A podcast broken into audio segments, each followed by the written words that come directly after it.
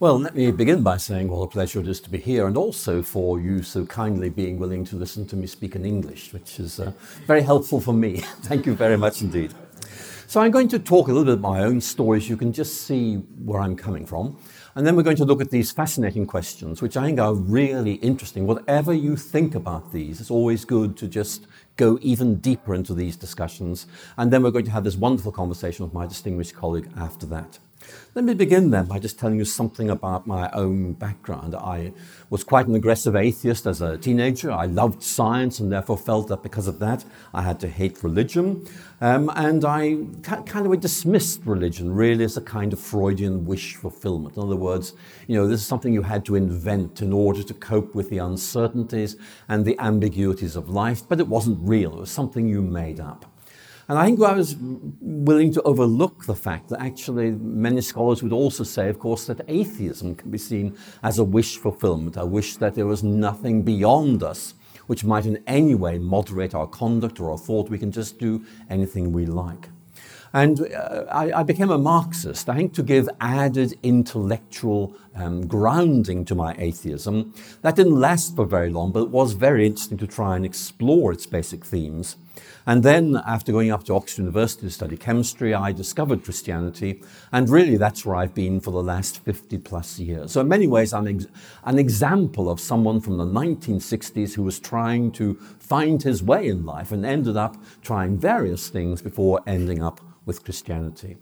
I want to explore with you this very important question about um, how we understand the question of meaning in life. And my dialogue partner, my conversation partner, my uh, wandering companion as we've journeyed through life was C.S. Lewis. C.S. Lewis, I discovered shortly after embracing Christianity, and I found he was a very articulate, very well qualified, but above all, very elegant writer uh, who really helped me to think through some questions. And uh, I'm still reading C.S. Lewis to this day because I find him to be such an interesting thinker.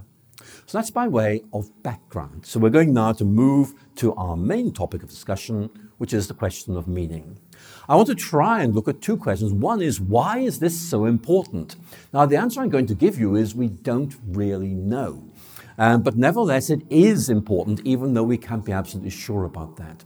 Then I'm going to try and unpack with you what this idea of meaning actually refers to. And again, there is this debate and dispute about this, but I'm going to try and map out the kind of components or the elements that might be relevant for our discussion. Then I'm going to look at how Christianity fits into this discussion, and then we'll see where we go from there, looking particularly, of course, at the natural sciences. This is Jeanette Winterson. Jeanette Winterson is a very well known British author. And if we look at what she is saying here, she's basically making the point that, um, you know, we need more than mere physical existence. Um, we can't simply exist. We have to live. We have to, to flourish. We cannot simply eat, sleep, hunt, and reproduce. We are meaning seeking creatures. The Western world has done away with religion, but not with religious impulses. We seem to need some higher purpose, some point to our lives. Money and leisure and social progress are just not enough. Now, I think she's putting her finger here on a very important point. You know, we can be well off, we can be poor, it's better to be well off, but in both cases, you still need more than this. You need something deeper, which you feel gives meaning to your life. And I think Jeanette Winterson here is really just saying this is important to us. We may not understand why it is, but nevertheless, it is significant. And again, uh, those of you who are studying psychology will know that this is a very significant area of this field, that in effect you can show how this really matters to people, even though there are definitional problems, and even though it's very difficult sometimes to actually um, identify a psychological counterpart to the idea of meaning. But basically, uh, Robert Emmons, who's a very, I think, eminent writer in this field, brings out how religion can be relevant here. Religion can provide us with a comprehensive and integrated framework of meaning. Our framework is a very helpful idea to think about here. It gives you a kind of intellectual scaffolding. And that intellectual scaffolding helps you to actually understand what this idea of meaning might be and how you might unpack this and see where it takes you. It provides a way of helping individuals to transcend their own concerns or experience and connect up with something greater. And as you'll probably see as we work our way through this presentation, this idea of being part of something bigger, that we're connected with a bigger picture or a bigger framework of meaning, is really very important for this idea. So the real question we need to begin by exploring is not simply meaning matters to people, but what is it? What are the basic elements of this idea of meaning? And here I'll draw on a very well-known article by um, uh, George and Park, Meaning in Life, and the three key themes that they sing, singularity are comprehension, purpose, and mattering. Mattering means having significance. So comprehension, um, purpose, and mattering. I thought I'd talk about each of these to try and um, bring out what this is all about. It's about understanding. It's about seeing that there's a coherent world. That's the first element. Secondly, it's a, this sense of um, this framework of meaning allows you to see yourself as having some definite role to play. And then, thirdly, it's all about this idea of having importance. In other words, you don't just think you're important, there is a framework of meaning which says you really do have importance. Now, earlier I mentioned I was a Marxist. And Marxism is a big picture. I mean, it, it has kind of declined in importance since the 1960s, but it's still there. Why was I drawn to Marxism? I think actually all of the elements I've just talked about here are present in Marxism. Number one, it seemed to make sense of the social world. Number two, it really did um, allow me to see a sense of purpose, and it also said to me, You are important. In other words, it gave me a framework which in effect allowed me to position myself. You step into this worldview and you say, within this framework of meaning, I can, in effect, if you like, accelerate the process which leads to the Marxist revolution and so on. In other words, the framework gives you a scaffolding within which you can have a meaningful life. Now, I left Marxism behind, but I did not leave behind the idea that finding a big picture of life is actually quite important, and also that whatever this big picture did, it had to deal with these questions of making sense of things, giving us a sense of purpose, and also this very important idea of being significant. We all want to feel we matter. Is that just something we've invented? Or is there a framework of meaning which says, this is not your invention, this is the way things are, and therefore this is something which is true about you? So when I moved to Christianity, I found actually two things happening. Number one, that it also gave me this big framework, this bigger picture and again, I mentioned C.S. Lewis earlier, I mentioned him again, that he really is the writer who brought out very clearly for me that Christianity is not simply believing this, this, this, and this, it's about giving this larger vision of reality, which includes this, this, this, and this, but actually weaves them together rather like threads in a tapestry.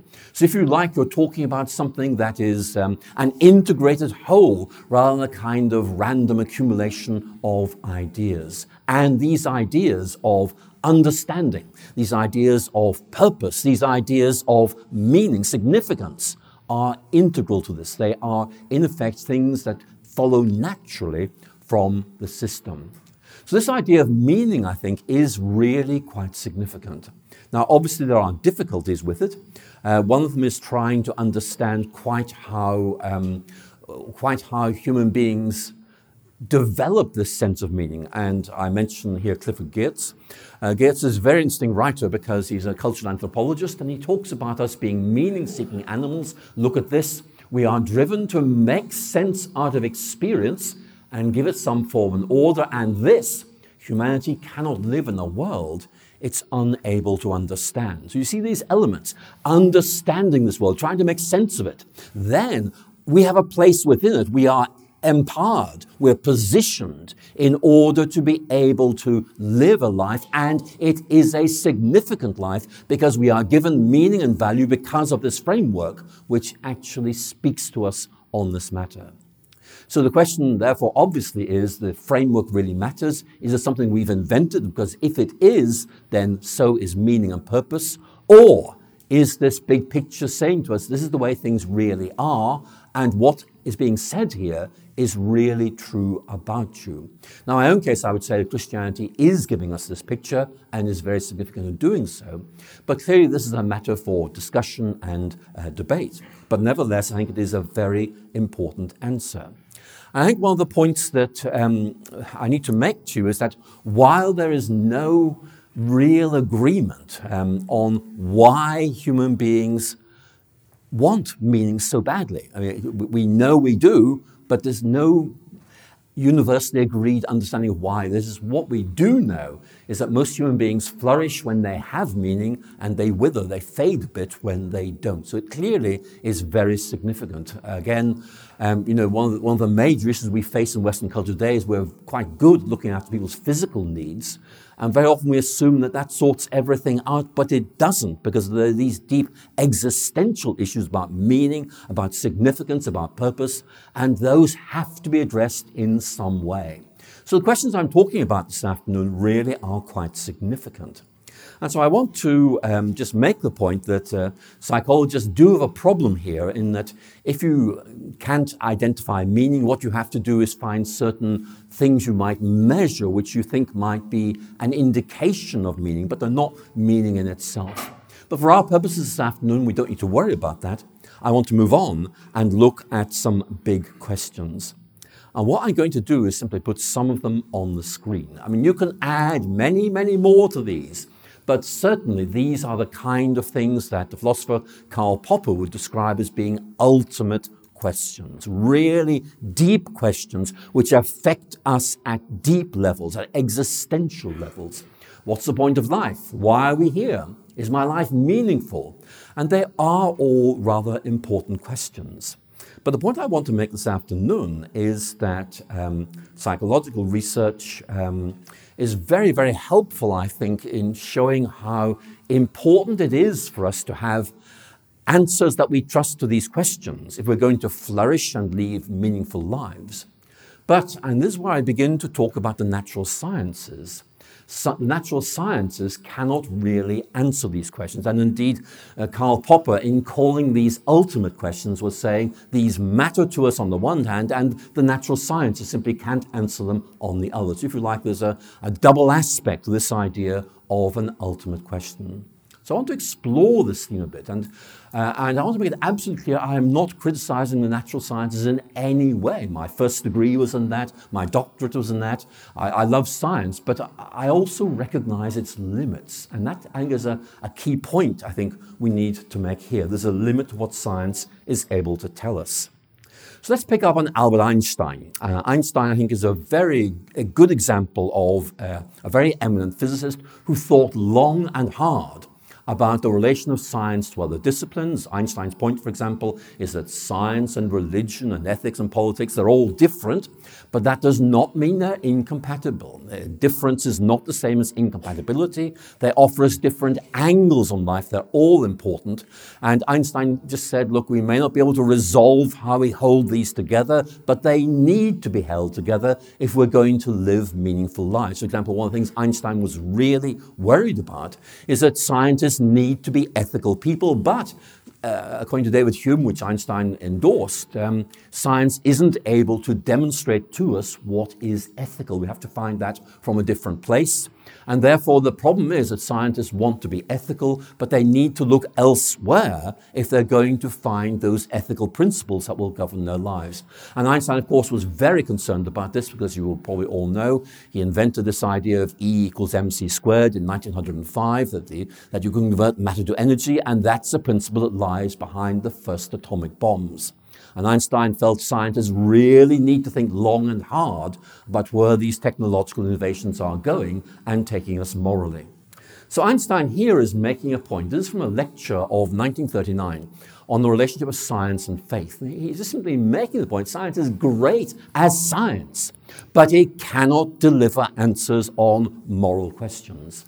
Um, he's talking about um, the moral convictions here, uh, which are necessary and determinant for our conduct and judgments, cannot be found solely along a solid scientific way. Uh, again, he, he's not critiquing science. I mean, after all, he was one of the 20th century's best scientists, but he is trying to make the point we need to be able to define our limits here. And the point he's making is the scientific method can teach us nothing else beyond how facts are related to and conditioned by each other. Science, if you like, is able to explain how things function, but we also want to know what they mean. And if you like, this, this distinction between functionality, understanding how natural processes work, and therefore being able to understand and perhaps control them, and this idea of, of um, uh, a deeper level of understanding. What do these things actually mean? What do I mean? Not just how do I function, what do I mean? What do you mean? Is really important. Einstein is simply saying we have to say science can answer one of those questions, but not the other. So, that I think really um, involves going beyond the scientific method in dealing with questions of meaning. And not a critique of science, just saying, look, science is science. Let's respect it for that, not try and make it into something else. And in many ways, we need, therefore, to go beyond um, the world of science or mathematics thinking about meaning. So let's do something Einstein very much enjoyed doing, which was conducting mental experiments. For example, his very famous experiment of riding a beam of light. But I want to, to do simply do a very simple experiment, which is I want you to imagine that you only accept ideas that can be conclusively and decisively proved to be right. In other words, things that you can say, that is right, no argument. What sort of world would that be? Okay, in other words, it's a world of certainties, but how would you find living in that world? So let me give you, if I may, some examples of ideas you could accept. And uh, again, you know, I'm just going to give you a random selection. You can easily add more, but I want to try and just make a few points. There we are. I think those two, um, those two are statements you can be absolutely sure about.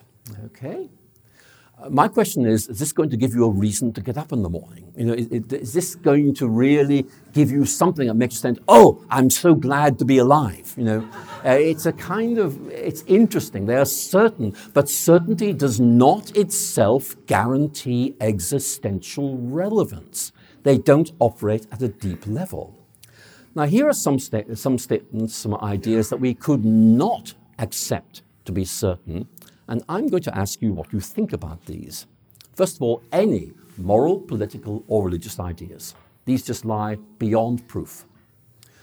Um, moral ideas matter to me. I think they do to you as well. I mean, if I want to say what's happening in, in, the Middle East is terrible, you know, you know, it shouldn't be happening, you know, I'm actually almost making a moral judgment, but that goes way beyond the evidence.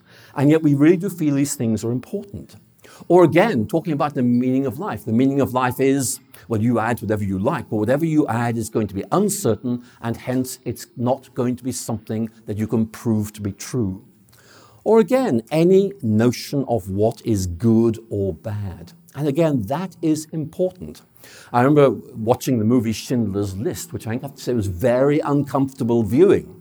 And by the end of it, I have to say, I, I, I, really felt myself thinking, this thing called evil is real. You know, we have to have a word that names it and says, this is bad, and we need to do something to try and stop this sort of thing happening.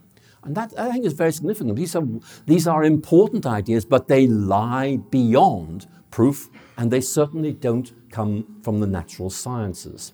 Um, you might think of another thing there is a God, or there's not a God, I mean, that debate is still wide open. I mean, many of you here today will, will have positions on this, but the key point I want to make is simply you may think you are right, and, uh, and you may have very good reasons for thinking you're right, but you can't absolutely prove this, even though you can say, I trust this idea because I know in my heart rather than my mind that this is actually right. So the point I'm trying to make really is that we are in a difficult situation here. Alex Rosenberg is a very interesting American philosopher. He wrote a book back in 2011 called um, The Atheist Guide to Reality Enjoying Life Without Illusions, in which he argues that the natural sciences are able to deliver secure truths on which we can base our lives. And I, am going to look at this because I think it is really interesting. Um, because he asks this question What's the difference between right and wrong, between good and bad? And here is the answer he gives. Um, there is no moral difference between them. Now, I mean, I know you're going, you're going to be shocked at that, but I want to say Rosenberg is just being absolutely consistent. If you're saying that knowledge is limited to what the natural sciences can prove, then you know these are just words, you know, good, evil, bad, etc., etc., which you can't you can't actually show to be right. You have to convert them into some sort of um, notion of well-being or something which is a very difficult idea to do if you're going to use this as a moral argument. So the point I'm trying to make here is that these ideas really are important.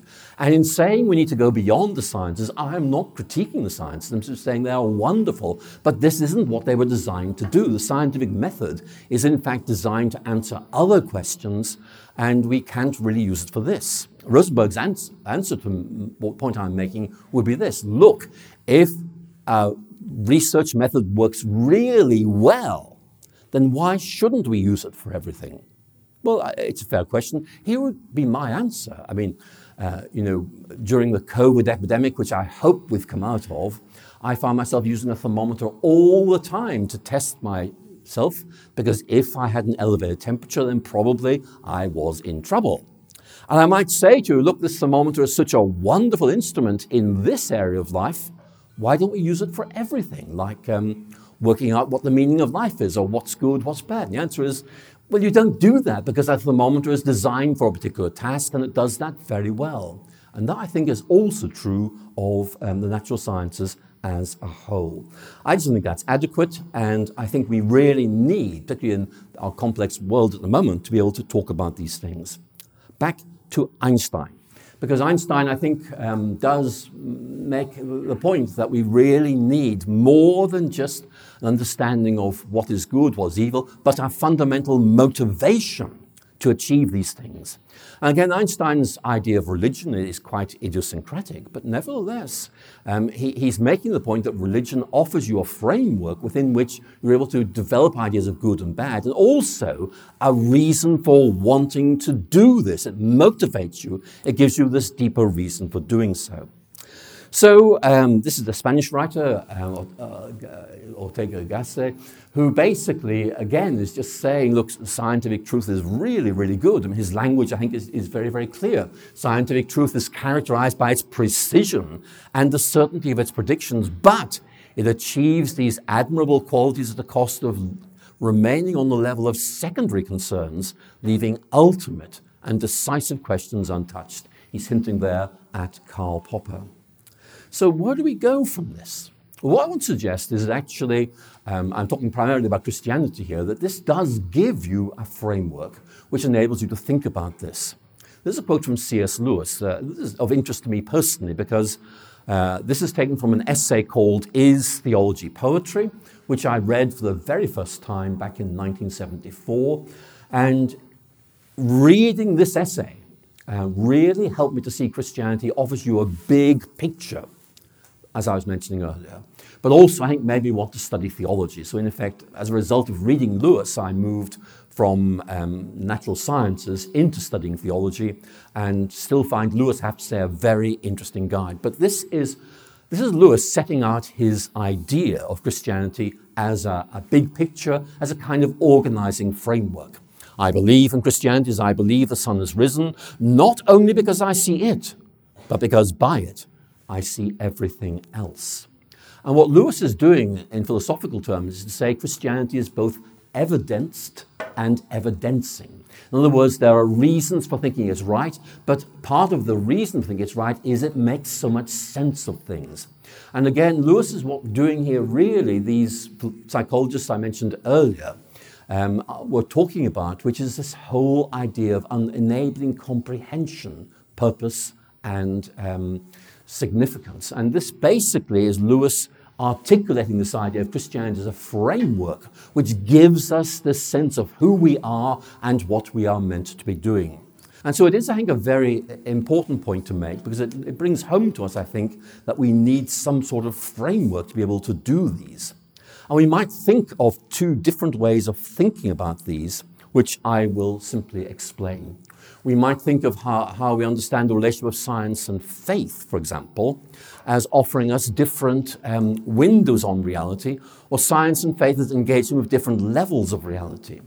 And the point I'm going to try and make here is that it's not, I have to choose science or faith.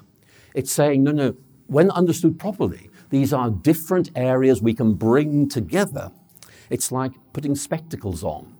Um, here's my scientific lens, here's my Christian lens. I put them on, I get stereoscopic vision. In other words, you, you, you see more deeply than you would with one of these lenses on its own.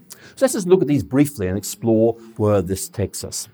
So we're looking here at this very important idea of science and faith offering different windows on reality.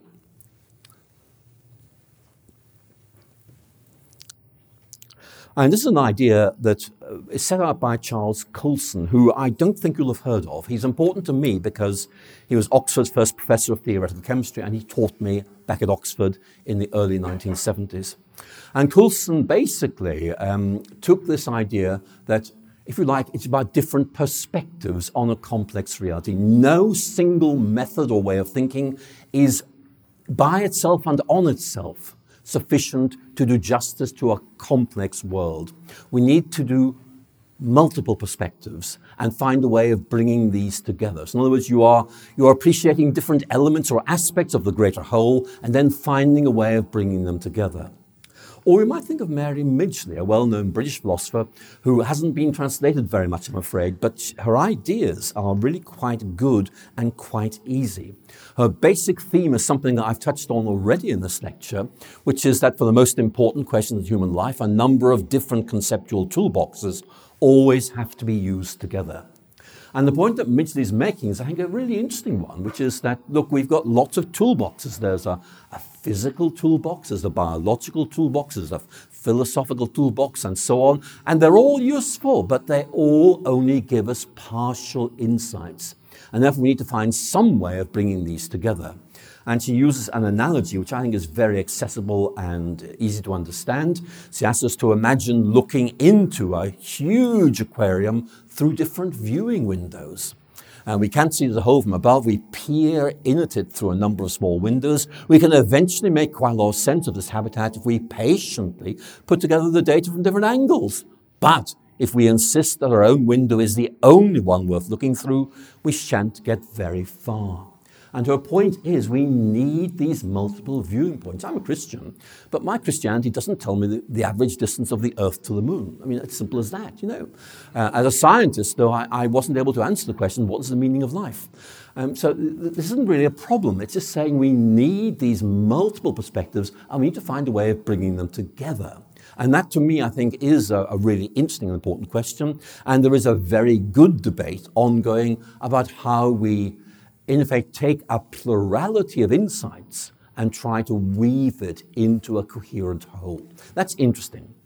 But I want then to move on and look at um, a second way of thinking about this, which is different levels of explanation. I've talked about different windows allowing to see things in a different way. This is a sort of more um, geological metaphor. It's like stratified rock. You've got different levels.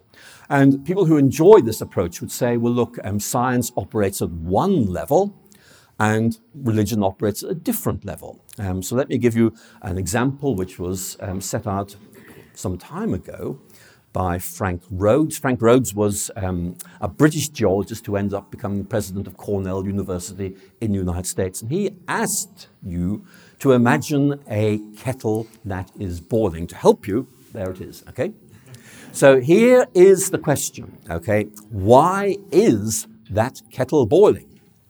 So Clifford, uh, sorry, Rhodes says there are, there are several explanations you might give. One of them is this. It's all about energy conversion. In other words, you plug the kettle in, electricity goes to the heating coil, converted to energy. That's why the kettle is boiling. That's a perfectly good explanation. But you could give other explanations, and I'll give you one because I'm British. Um, uh, the kettle is boiling because I felt like a cup of tea. Okay? So, what I want you to do is hold those two answers together. Answer one, energy conversion. Answer two, cup of tea. They're both right.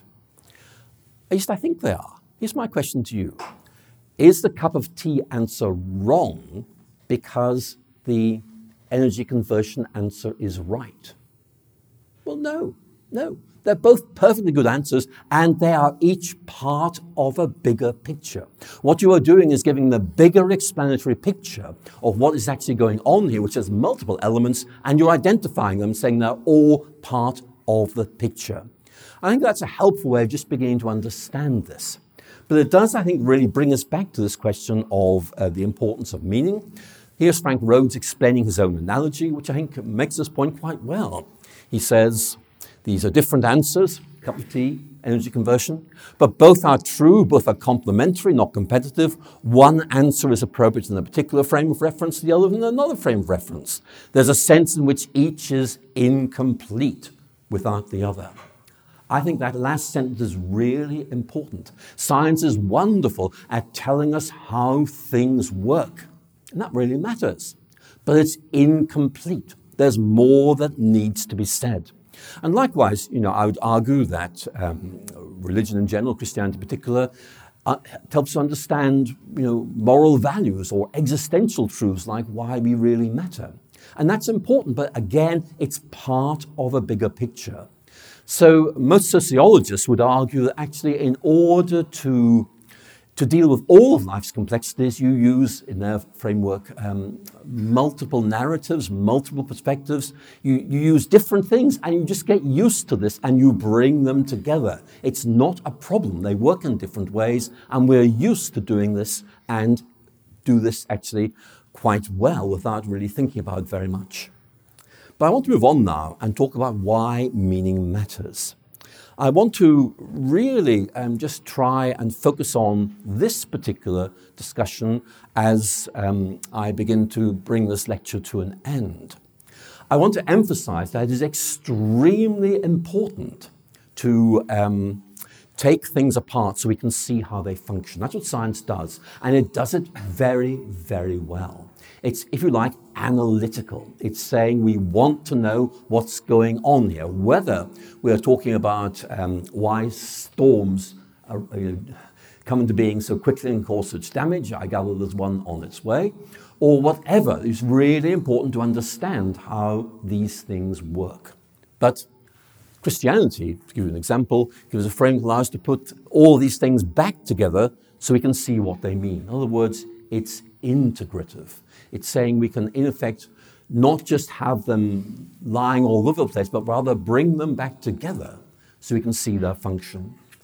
Now, some of you may be aware of Iain McGilchrist, a well known British psychiatrist, who has written several books on this tendency that we find to what he calls cerebralize. In other words, to use um, one brain hemisphere for analytical tasks and another brain hemisphere for more synthetic tasks. And his point is that very often a scientific culture is very focused on abstractions. And his point simply is we need to find a way of bringing all these things back together again. I think, although I disagree with him at points, I think nevertheless he's making a point very, very clearly that we need a holistic approach to life. That doesn't invalidate specialist disciplines saying we want to focus on these questions, like um, does nuclear fission work? That's very, very important. But it's part of a bigger spectrum of knowledge, and we really need all of these things to make sense of life. And so, what I'm saying really as I bring this lecture to a close is simply that uh, we need to find a way of bringing these things together. So, let me just end very, very briefly by making a number of points we don't have a universal understanding of what that word meaning actually means.